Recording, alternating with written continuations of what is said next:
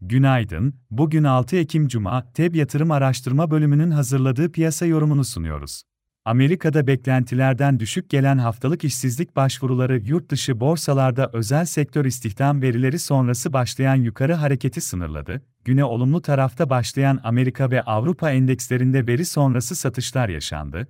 S&P 500 endeksi dün eksi %0.13, Nasdaq endeksi eksi %0.12 geriledi. Yurt dışı borsalarda bu sabah karışık seyir görüyoruz. Asya borsaları pozitif açıldı. Çin piyasaları bugün de kapalı. Resmi tatil pazartesi bitiyor. Amerika endeksleri vadeli tarafta hafif aşağıda, Avrupa borsalarının güne hafif yukarıda başlaması bekleniyor.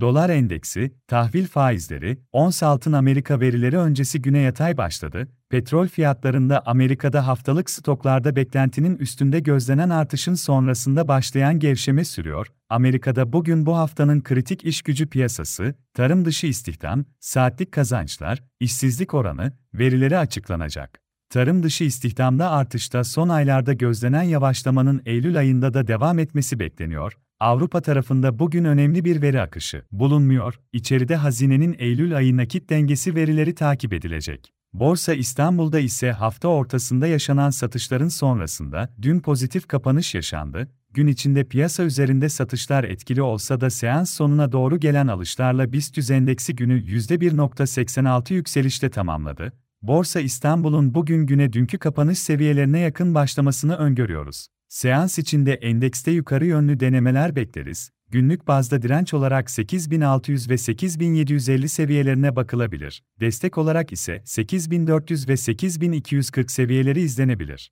Hisse tarafında ise endekste toparlanma hareketi içinde teknik olarak kısa vadeli alım yönünde Akbank, Akçansa, Aksa Enerji, Deva Holding, Enerjisa, Erdemir, Koç Holding, Türksel, Vestel Beyaz Eşya hisseleri takip edilebilir. Piyasaları değerlendirmeye devam edeceğiz. FEB yatırım olarak herkese iyi bir gün dileriz.